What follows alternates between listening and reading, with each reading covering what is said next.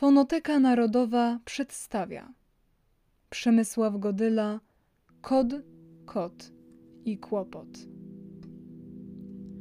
Kot Pi obudził się w środku nocy. Ciężkie stalowe wskazówki potężnego zegara na wieży pobliskiego kościoła przesunęły się właśnie i ciszę nocy przerwały trzy donośne uderzenia, których dźwięk popłynął jak fala nad dachami śpiącego miasta. Pi przeciągnął się, prężąc całe swoje kocie ciało, machnął czarnym ogonem i jednym susem wskoczył na parapet. Oparł łapki o szybę okna i spojrzał na przebijającą mroki tarczę zegara. Mhm. Trzecia w nocy. Pomyślał. Tak, Pi był kotem uczonym. Znał się na zegarach i cyfrach. Nauczył się ich patrząc na swego pana, porucznika Jana Kowalewskiego. A ponieważ Pi był kotem ambitnym, to gdy dowiedział się, że Janek zna trzy obce ludzkie języki rosyjski, niemiecki i francuski sam postanowił mu dorównać i niedawno płynnie opanował śpiewny język ptasi, nieco surowy i szorstki język psów i pełną trudnych dźwięków mowę żab. Co prawda, gdy postanowił pochwalić się tymi talentami swemu dwunogiemu przyjacielowi, ten tylko pogłaskał go po grzbiecie i podrapał za prawym uchem, nie okazując zbyt dużego entuzjazmu. Ale to w końcu tylko człowiek. Janka poznał rok temu, 11 listopada 1918 roku, licząc według ludzkiej miary. Pi, wtedy jeszcze bezimienny i malutki, błąkał się samotny i głodny na przybrzeżnej ulicy w dalekiej Odessie nad Morzem Czarnym. Kiedy Janek zobaczył go, od razu podniósł delikatnie i powiedział: Nie bój się, nie bój mój maleńki. Razem znajdziemy nasze miejsce w tym ogromnym świecie. Masz piękne futerko, kotku. Czarne, białe i rude, z trzech kolorów. To jak moja Polska, która powstaje z trzech zaborów. Zabiorę cię tam. Pi szybko stał się maskotką żołnierzy z czwartej Dywizji Strzelców Polskich i razem z nimi wkrótce trafił do tajemniczej Polski, o której mówił Janek. Zamieszkali w Warszawie. Zegar uderzył ostatni raz.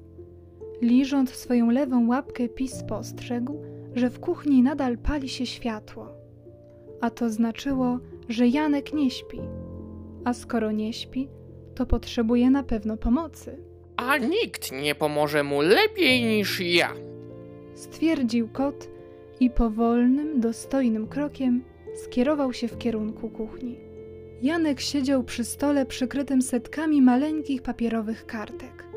Jego mundur z dwiema gwiazdkami na naramiennikach wisiał przy oknie. Pochylony nad pracą Janek nie zauważył nawet wejścia kota, co trochę oburzyło Pi. Tego nie robi się kotu.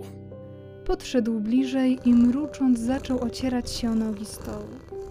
Janek jednak nie drgnął ani o milimetr, tylko ciągle siedział nieruchomo, jakby był wykuty z kamienia, albo z drewna wyrzeźbiony, albo z lodu.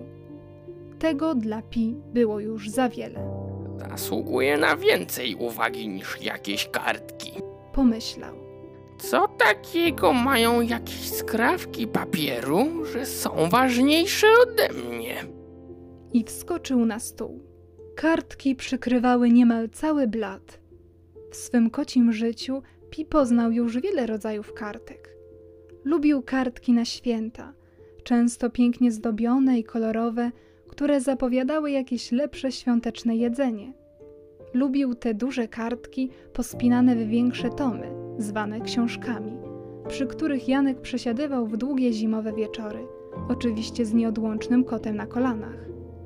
Lubił też kartki, które przychodziły w kopertach, listy czy jakoś tak, które Janka nazywały szanownym panem, kochanym synem czy też drogim Jankiem.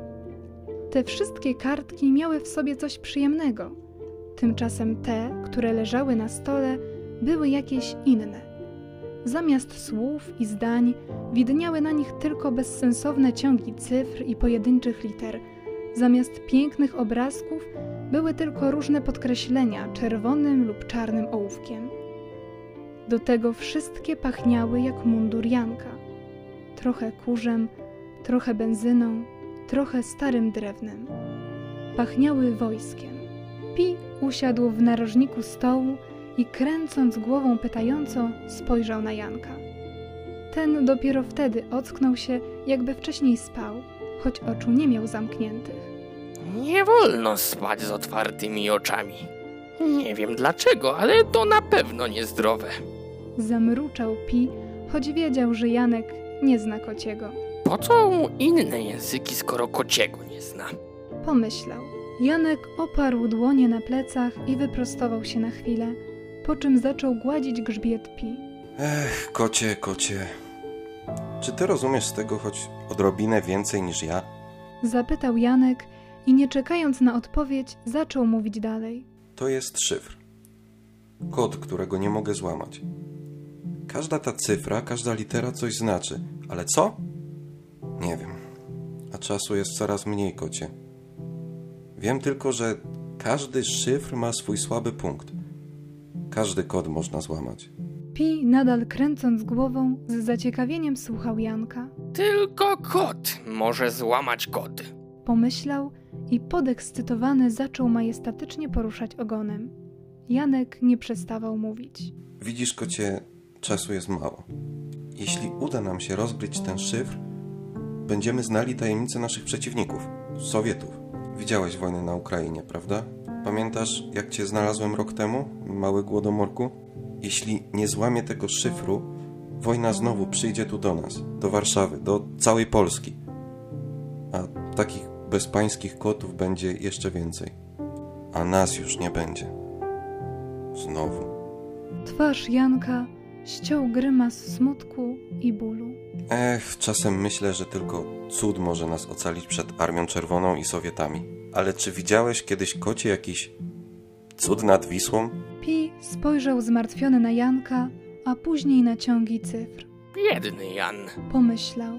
Może jak skończy się z tym męczyć, to zacznie spać normalnie. A jak się śpi normalnie, to i humor w ciągu dnia lepszy. Dlatego ja nigdy nie zaniedbuję snu. Zresztą rano przychodzi mleczarz, a Janek śpi. Gdyby spał w nocy, to rano by wstawał, a gdyby wstawał rano, to by rano było mleko. Jedzenie. Tak, Jan musi się wysypiać. Ja mu w tym pomogę. Pi złamie kod sowiecki, choć przyjechał do Polski z Odessy, a Janek z miasta Łodzi pochodzi. Za oknem zegar uderzył cztery razy. Janek, nie wstając od stołu, zamknął wreszcie zmęczone oczy i oparł głowę o stół. Po chwili cisze nocy przerywały tylko uderzenia zegara i chrapanie porucznika Jana Kowalewskiego. Właśnie na to czekał Pi. Jak tylko można było najciszej, a był przecież kotem, a koty potrafią być cicho jak tfu, myszy pod miotłą, zaczął łapkami rozgarniać leżące na stole kartki. Każdy szyfr ma swój słaby punkt. Te słowa Janka przebiegały mu od jednego ucha do drugiego, w tej z powrotem. Coraz głośniej, głośniej, głośniej, Oczywiście, że mają słaby punkt. pomyślał Pi. Przecież to ludzie je wymyślili, a ludzie to nie koty. Koty chodzą własnymi drogami. Kartki z szyframi jedna po drugiej wędrowały między łapkami kota. Ten każdej przyglądał się uważnie. Szukał. Za oknem zegar uderzył pięć razy. Janek wzdrygnął się delikatnie, ale nie przerwał snu. Mam coraz mniej czasu. Pomyślał Pi, nie przerywając poszukiwań. Kolejne kartki przesuwały się pod miękkimi poduszkami jego łapek. Słaby punkt. Musi być jakiś słaby punkt. Na pewno jakieś słowo powtarza się, a skoro słowo się powtarza, to i ciąg cyfr. Muszę go znaleźć, zanim obudzi się Janek.